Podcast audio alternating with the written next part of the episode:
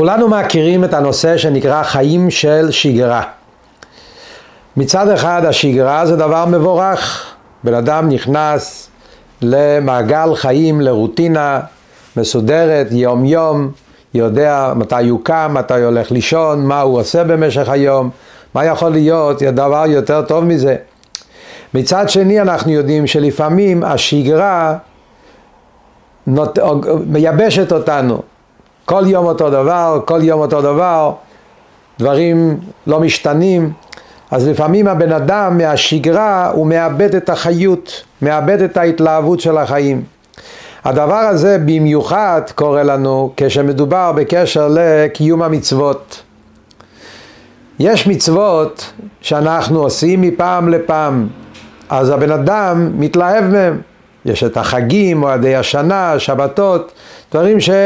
לא קורה ביום יום, אז יש את ההתלהבות של ההתחדשות. מה אנחנו עושים אבל כשמדובר במצוות כאלה שאנחנו עושים אותם יום יום? בואו נדבר על מצוות תפילין. מצוות תפילין מצווה חשובה ביותר, כולנו יודעים. ילד נהיה בר מצווה, מצוות התפילין המצווה המרכזית בחיים. כולנו נוהגים לאחל לבחור בר מצווה שאותו התלהבות שיש לך בהנחת התפילין הראשונה שלך, שתלווה אותך כל החיים. ברכה נפלאה, מאחלים את זה, אבל אנחנו יודעים שבמציאות זה לא בדיוק קורה. אחרי תקופה מסוימת התפילין הופך להיות לשגרה, לרוטינה, ובלשון הפסוק מצוות אנשים מלומדה. כלומר, שאנחנו עושים את המצווה, אבל זה מצווה שאנחנו עושים אותה בצורה מאוד טכנית, מכנית, והיא מאבדת את החיוניות, את ההתלהבות. איך אנחנו יכולים להכניס במצוות התפילין, באקט היומיומי של הנחת תפילין, לתת לזה את ההתלהבות ואת החיות שבאמת מגיע לה. אז נפתח קודם כל בסיפור עם אדמו"ר הזקן בעל התניא שנותן לנו צוהר, נותן לנו פתיחה כדי שנוכל לפתוח את העיניים ולקבל משמעות חדשה בכל נושא הנחת תפילין. מסופר שאדמו"ר הזקן היה במאסר ובאותו זמן עשו לו כל מיני חקירות ודרישות חלק מהמאסר, המאסר הידוע שהיה לאדמו"ר הזקן, שבזכות זה חסידים חוגגים את היום הגדול של ראש השנה לחסידות, י"ט כסלו,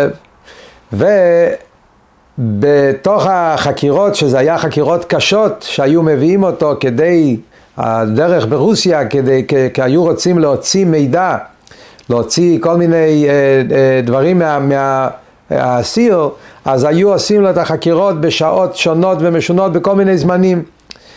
אז באחד מהחקירות והדרישות לקחו את האלתר רבה, את אדמו"ר הזקן, בשעות של לפנות בוקר.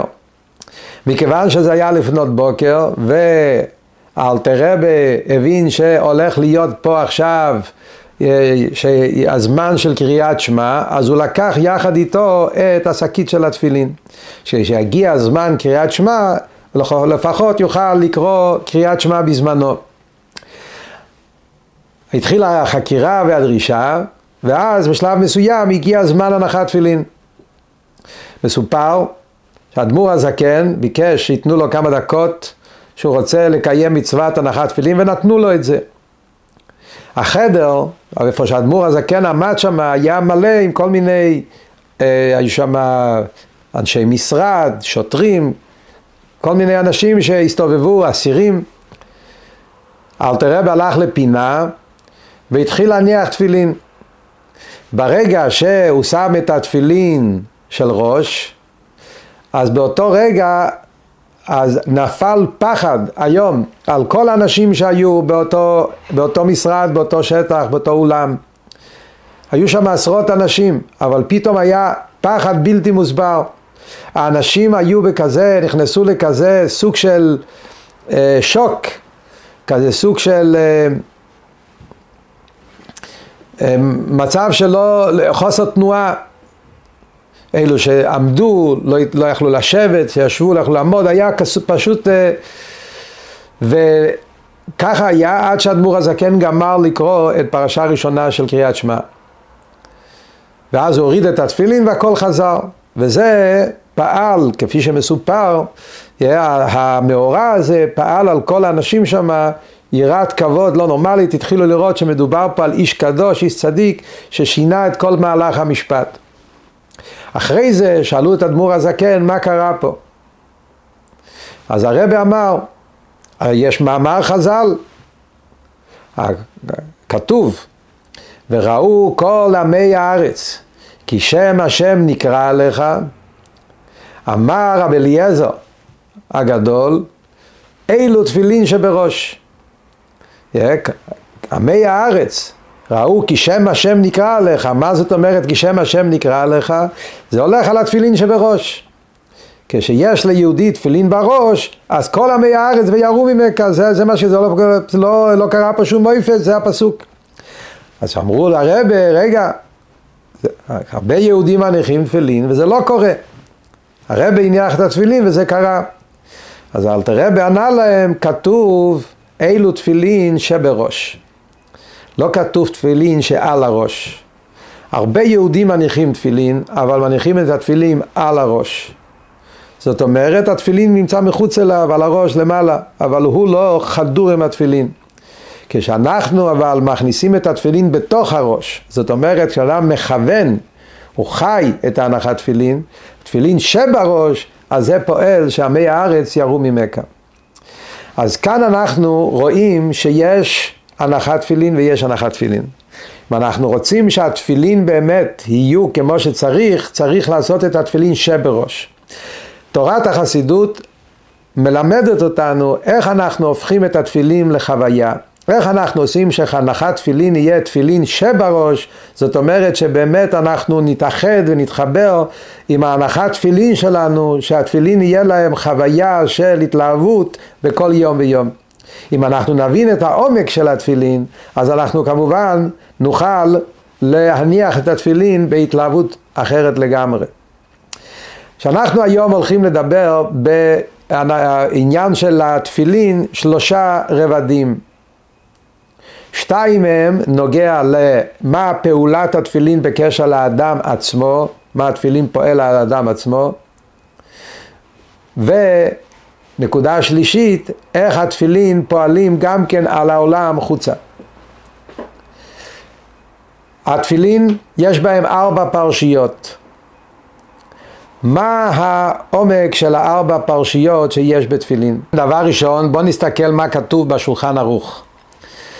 הדמור הזקן כותב בשולחן ערוך בסימן כ"ה, ואותו דבר הוא כותב בסידור שלו. כשיהודי מניח תפילין הוא צריך לכוון שהקדוש ברוך הוא ציווה עלינו לכתוב ארבע פרשיות בתפילין, שבהם מסופר על ייחוד השם, אחדות השם, שמע ישראל השם אלוקינו השם אחד, ויציאת מצרים. כדי שאנחנו נזכור את הניסים והנפלאות שהקדוש ברוך עשה עמנו, ועל ידי זה אנחנו נדע שהקדוש ברוך הוא שולט בכל העולמות, בעליונים ובתחתונים, והציוונו, הקדוש ברוך הוא ציווה עלינו, שנשים את התפילין על היד כנגד הלב, על הראש כנגד המוח, כדי שנשעבד את הנשמה שהיא במוח ותאוות ומחשבות ליבנו לעבודתו יתברך לעבודת השם. כי על ידי הנחת תפילין האדם יזכור את הבורא וימעיט הנאותיו. זה המילים של אדמו"ר הזקן מיוסד על דברי הפוסקים הקודמים, מה צריך להיות הכוונה הבסיסית כשיהודי מניח תפילין. אז בואו נתעמק יותר מה זה הארבע פרשיות של תפילין? אנחנו רואים שבתפילין יש, התפילין של ראש, רואים את זה גם כן, יש את הארבע בתים, שבכל בית יש פרשייה נפרדת. בתפילין של יד, אז כל הארבע, הארבע פרשיות נמצאים בתוך בית אחד. מה הם הארבע פרשיות של תפילין ואיך הם מתחברים ה, עם השיעבוד שיהודי משעבד את המוח והלב שלו לקדוש ברוך הוא. הנקודה הזאת אנחנו נבין את זה על פי מה שהאדמו"ר הזקן מסביר בספר התניא. אנחנו מדברים על האדם, כשמדברים על מוח האדם, אז המוח האדם מורכב משלושה חלקים, שלושה רבדים. מה שמוכר בתורת החסידות, חב"ד, חוכמה, בינה, דעת. שלושת המילים חוכמה, בינה, דעת זה לא רק שלושה מילים שאומרים אותו דבר, זה שלושה שלבים בהתפתחות של השכל. החוכמה, בקיצור, זה כוח מה? חוכמה זה נקודה. כשבן אדם לומד משהו, מתבונן במשהו, מנסה לי, להבין משהו, יש את הנקודה הראשונה. החוכמה זה הנקודה הראשונה, ההשכלה, שבן אדם תופס איזה נקודה מסוימת, שזה החידוש. וואו, קיבלתי פה איזה נקודה. נקודת החוכמה. בנקודה הזאת נמצא כל העניין, אבל באופן מאוד מאוד תמציתי. ואחרי זה יש את כוח הבינה. כוח הבינה, בינה מלשון בניין, בינה זה להבין, זאת אומרת לקחת את הנקודה, את החידוש, שהברק שהבריק בהברקה הזאת, שהבריקה בשכל שלי, ולפתח אותה.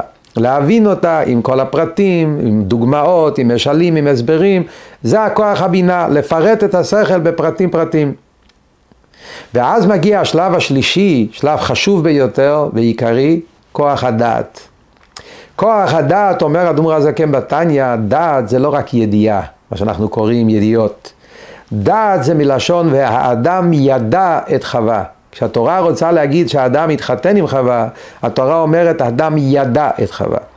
ידיעה זה ידיעה עמוקה פנימית, זה התחברות והתקשרות.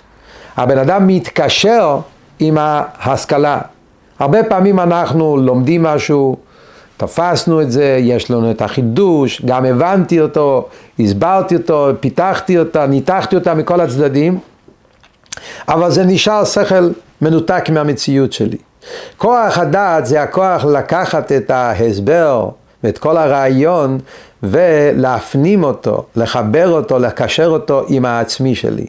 לחיות את הדבר. כמו שאדמו"ר הזקן אומר בתניא, כוח הדעת זה שהבן אדם חושב על הדבר ומעמיק בדבר שוב ושוב, למרות שהוא כבר החכים בה וכבר הבין אותה, אבל הוא עוד פעם ועוד פעם ועוד פעם חושב בדבר כדי, ולא מסיח דעת, עד שהדבר הזה הופך להיות לחלק מהמהות שלו, זה חודר בו.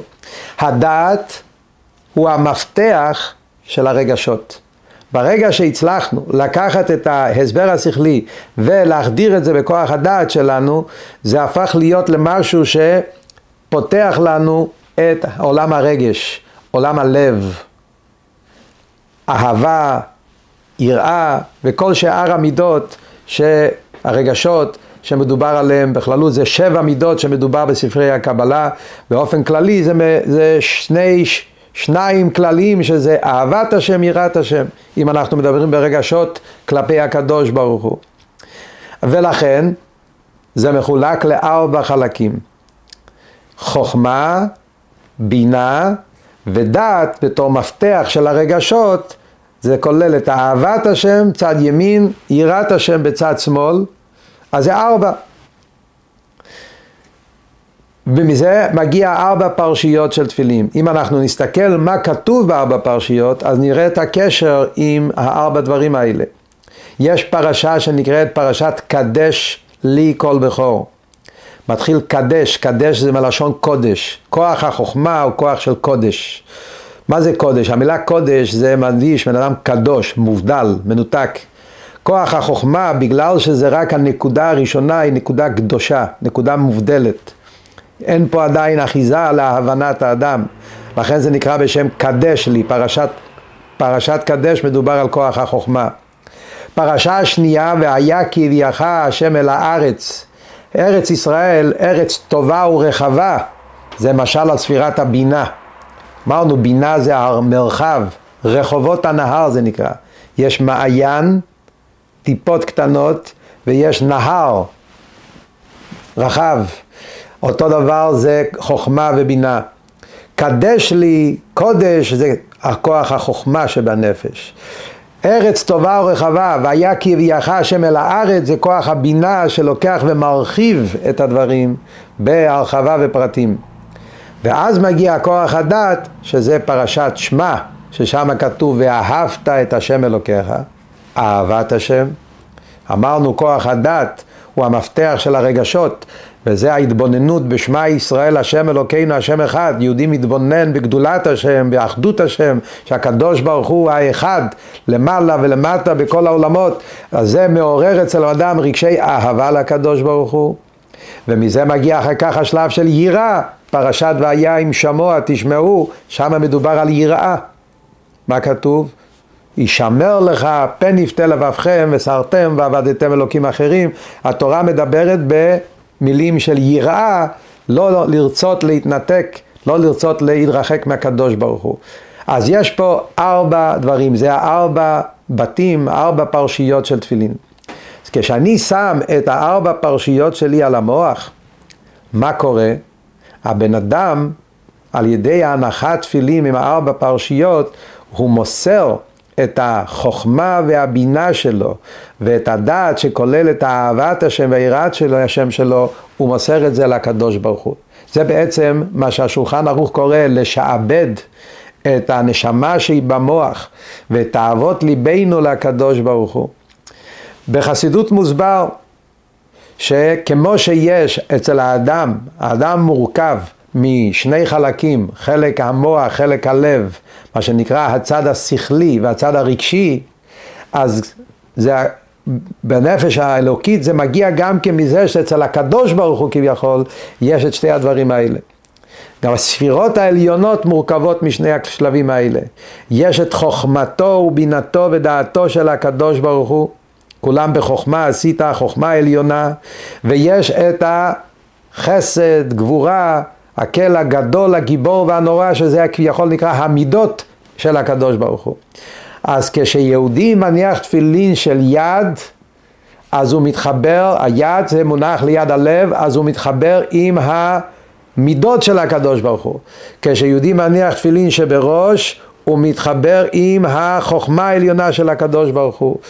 שתי התפילים ביחד, כשאנחנו שמים תפילים של יד, תפילים של ראש, והארבע פרשיות כמו שאמרנו, זה דרך איך שיהודי פועל על עצמו.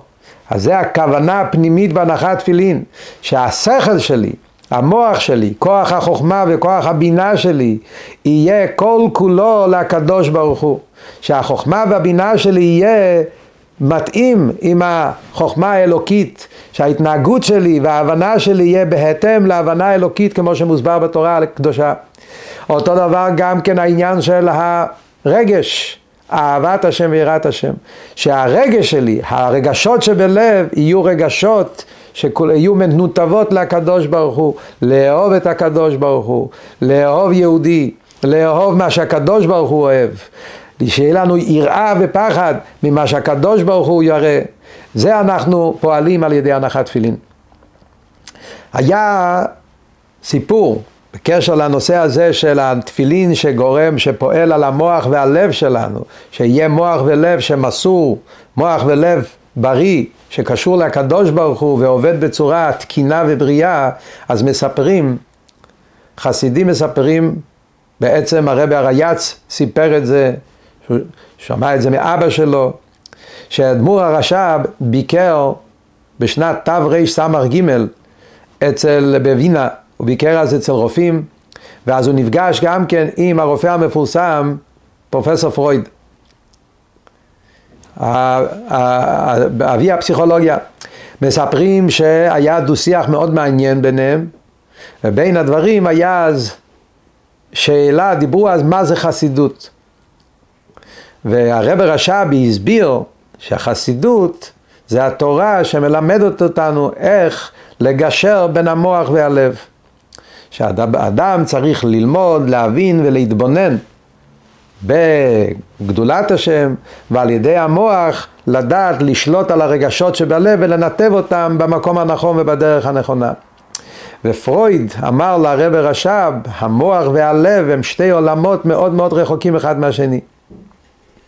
הוא נתן לזה דוגמה כמו יבשות. יבשות שונות שהריחוק ביניהם, באותם ימים, מדברים לפני יותר ממאה שנים, המרחק בין היבשות היה גדול מאוד.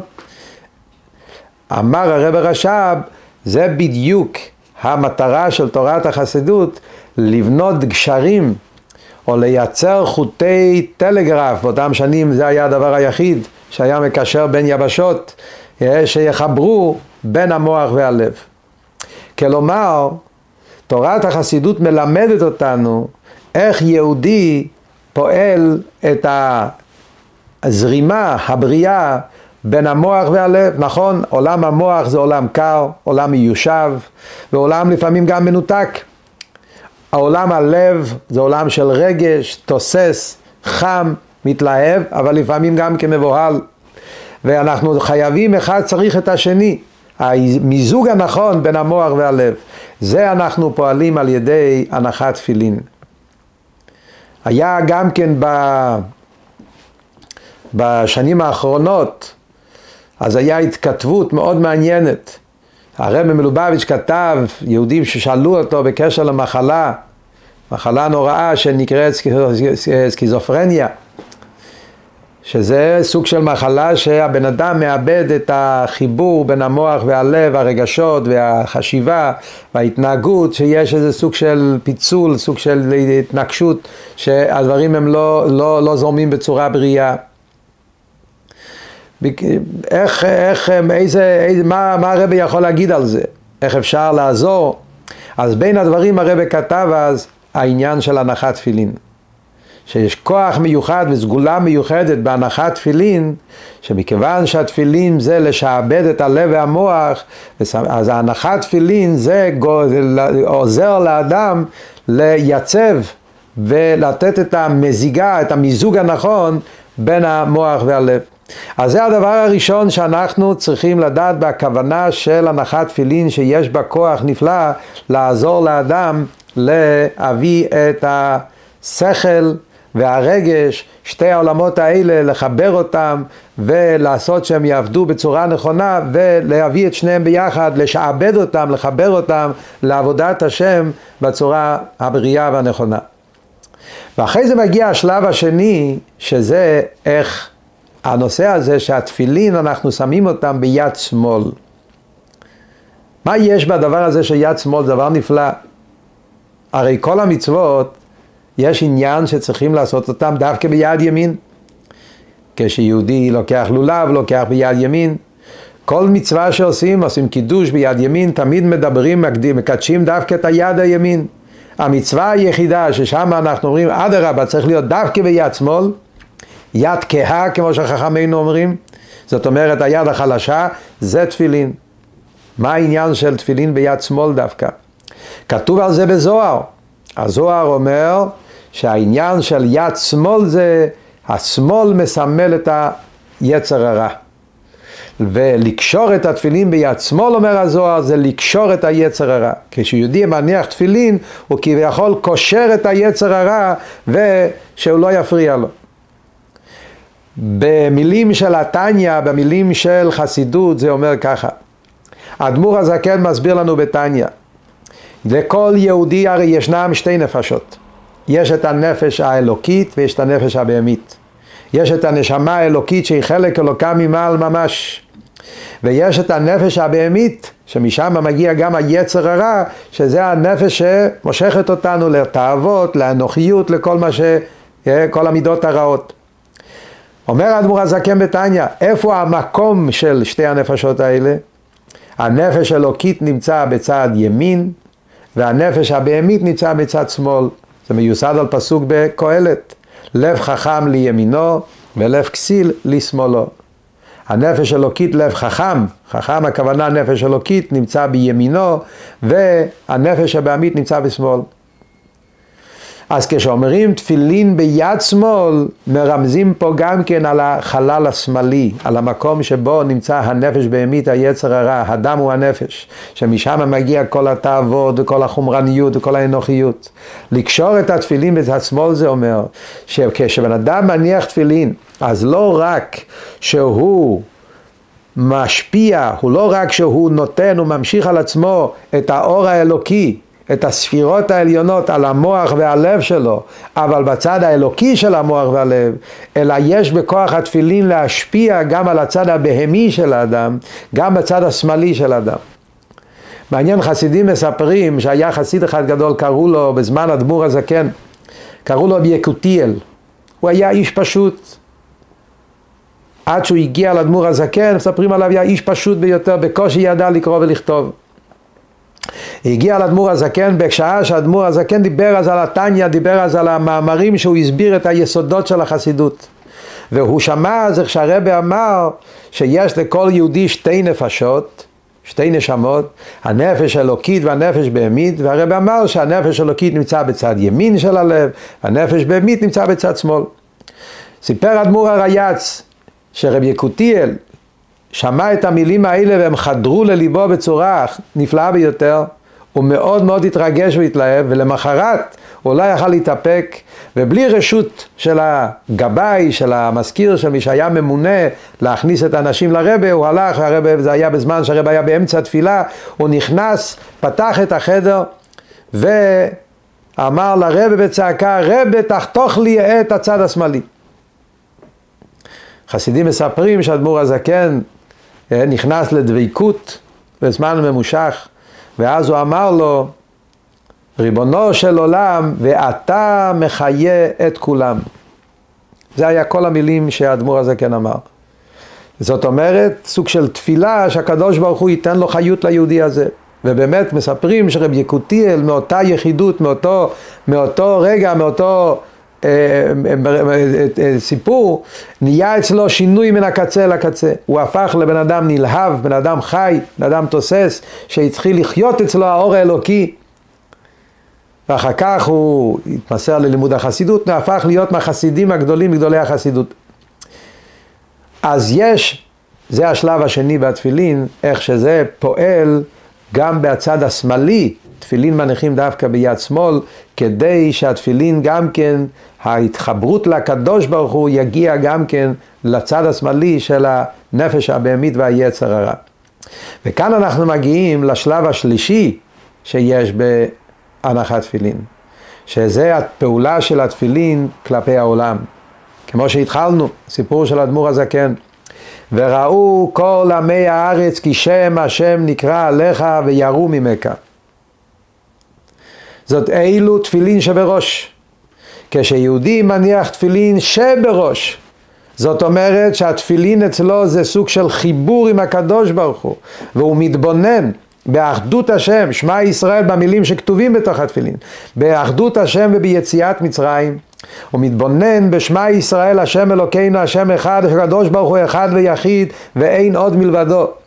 ומעורר את האהבה לקדוש ברוך הוא, ואהבת את השם אלוקיך, מתבונן ביציאת מצרים על הניסים הנפלאות שהקדוש ברוך הוא מנהיג את העולם, אז כשהתפילין מונחים בראש של האדם, אז זה פועל על גם עמי הארץ מכל העולם מסביב, שכולם מתבטלים ומרגישים את הדבר הזה, וזה פועל אצלם יראה גדולה, התבטלות גדולה לקדוש ברוך הוא. זה היה בשנת תשכ"ז, 1967 זה היה מלחמת ששת הימים. באותה תקופה היה פחד גדול. כל המדינות שמסביב לארץ ישראל רצו למחוק, רחמנא ליצלן, את ארצנו הקדושה. היה תקופה קשה ביותר. היה פחד גדול, היו הרבה שרצו לברוח מארץ, היה לא ידעו מה הולך להיות. ואז כידוע הרבי מלובביץ' עמד בל"ג בעומר כמה ימים לפני המלחמה ואמר האחים שלנו בארץ ישראל נמצאים בעת צרה. הוא הזכיר את המילים של הפסוקים אם בחוקותיי תלכו ושכבתם ואין מחרית ונתתי שלום בארץ. הוא אמר במילים ברורות אין מה לפחד שאף אחד לא יברח מהארץ. קדוש ברוך הוא נמצא איתנו, ארץ ישראל היא ארץ אשר תמיד עיני השם אלוקיך בה מראשית השנה ועד אחרית שנה אין מה לפחד, ארץ ישראל המקום הכי בטוח בעולם. באותה תקופה הרבי יצא עם המבצע הידוע שנקרא מבצע תפילין. ללכת בכל מקום, לעמוד ברחובות ולזכות יהודים עם הנחת תפילין. ואנשים שאלו, מה התועלת בהנחת תפילין אחת? הנחת תפילין ליהודי. ובין הדברים הרב אז אמר כמה, כמה נקודות על הנושא הזה. בין הדברים היה הנקודה של וראו כל עמי הארץ כי שם השם נקרא עליך. תפילין יש להם סגולה נפלאה. כשיהודי מניח תפילין, אז התפילין פועלים על כל העולם וירו ממכה. כשגוי רואה יהודי מניח תפילין, אז זה פועל עליו שהוא מתבטל במציאות שלו, הוא לא יכול להפריע לו, הוא לא יכול לעשות לו שום רע. אנחנו, גם הנושא של הנחת תפילין, שמניחים תפילין מצווה, מצווה גוררת מצווה. אז כשיהודי שם תפילין, אז הכוח של המצווה גוררת אותו, מושכת אותו, שירצה לעשות עוד מצווה ועוד מצווה, ועוד כמה וכמה נקודות שדיבר אז. בברכה שהקדוש ברוך הוא, שמשה רבינו נתן לבני גד, אז יש את המילים שהתורה אומרת, וטרף זרוע אף קודקוד. בני גד היו החלוצים שהלכו לפני העם במלחמה, כמו שהתורה מספרת לנו בפרשיות. פרשת מטות מעשי, פרשת דברים. הם היו החלוצים שיצאו למלחמה. אז כתוב על גד, ותרב זרוע אף קודקוד, אומר המדרש. למה תרב זרוע אף קודקוד? ככה הם היו הורגים את האנשים. שזה קשור עם התפילין. שבזכות זה שמהדרים, מקיימים את מצוות התפילין, אז בזכות זה מתקיים ה"ותרב זרוע". זרוע זה מקום של תפילין, של יד. אף קודקוד זה מקום של תפילין של ראש, לנצח את האויבים שלנו ולגרום שיהיה ישועה והצלה בכל מקום בעולם שעם ישראל צריכים לזה. ולכן, כשאנחנו באים להניח תפילין כל יום ויום, ואנחנו חושבים על הכוח המיוחד שיש בתפילין, דבר ראשון, על הארבע פרשיות, על המסר של הארבע פרשיות, לקחת את החוכמה והבינה והאהבה והיראה כוח השכל וכוח הרגש, ואת זה למסור לקדוש ברוך הוא. ולא רק זה, אלא גם כן להביא את זה אל היד שמאל, אל הצד השמאלי, לכבוש גם את היצר. וזה כולל גם כן שיש את הרצועות של התפילין, שזה לא רק שיהיה בשכל והרגש, אלא להביא את זה גם למעשים. האדם מורכב מחשיבה, מרגשות וממעשים. שזה הרצועות, ששמים את זה על היד ועל כף היד ועל האצבעות, ויש את הרצועות של תפילין של ראש, שיורדים ותולים עד הרגליים, שזה אומר שכל הבן אדם נהיה חתור עם המוטיבציה הזאת, עם החיות של התפילין. שלב א', שלב ב' להביא את זה גם ליצר הרע ולנפש שבעמית, לקשור אותם גם כן לעבודת השם, גם הם שהשתעבדו לעבודת השם.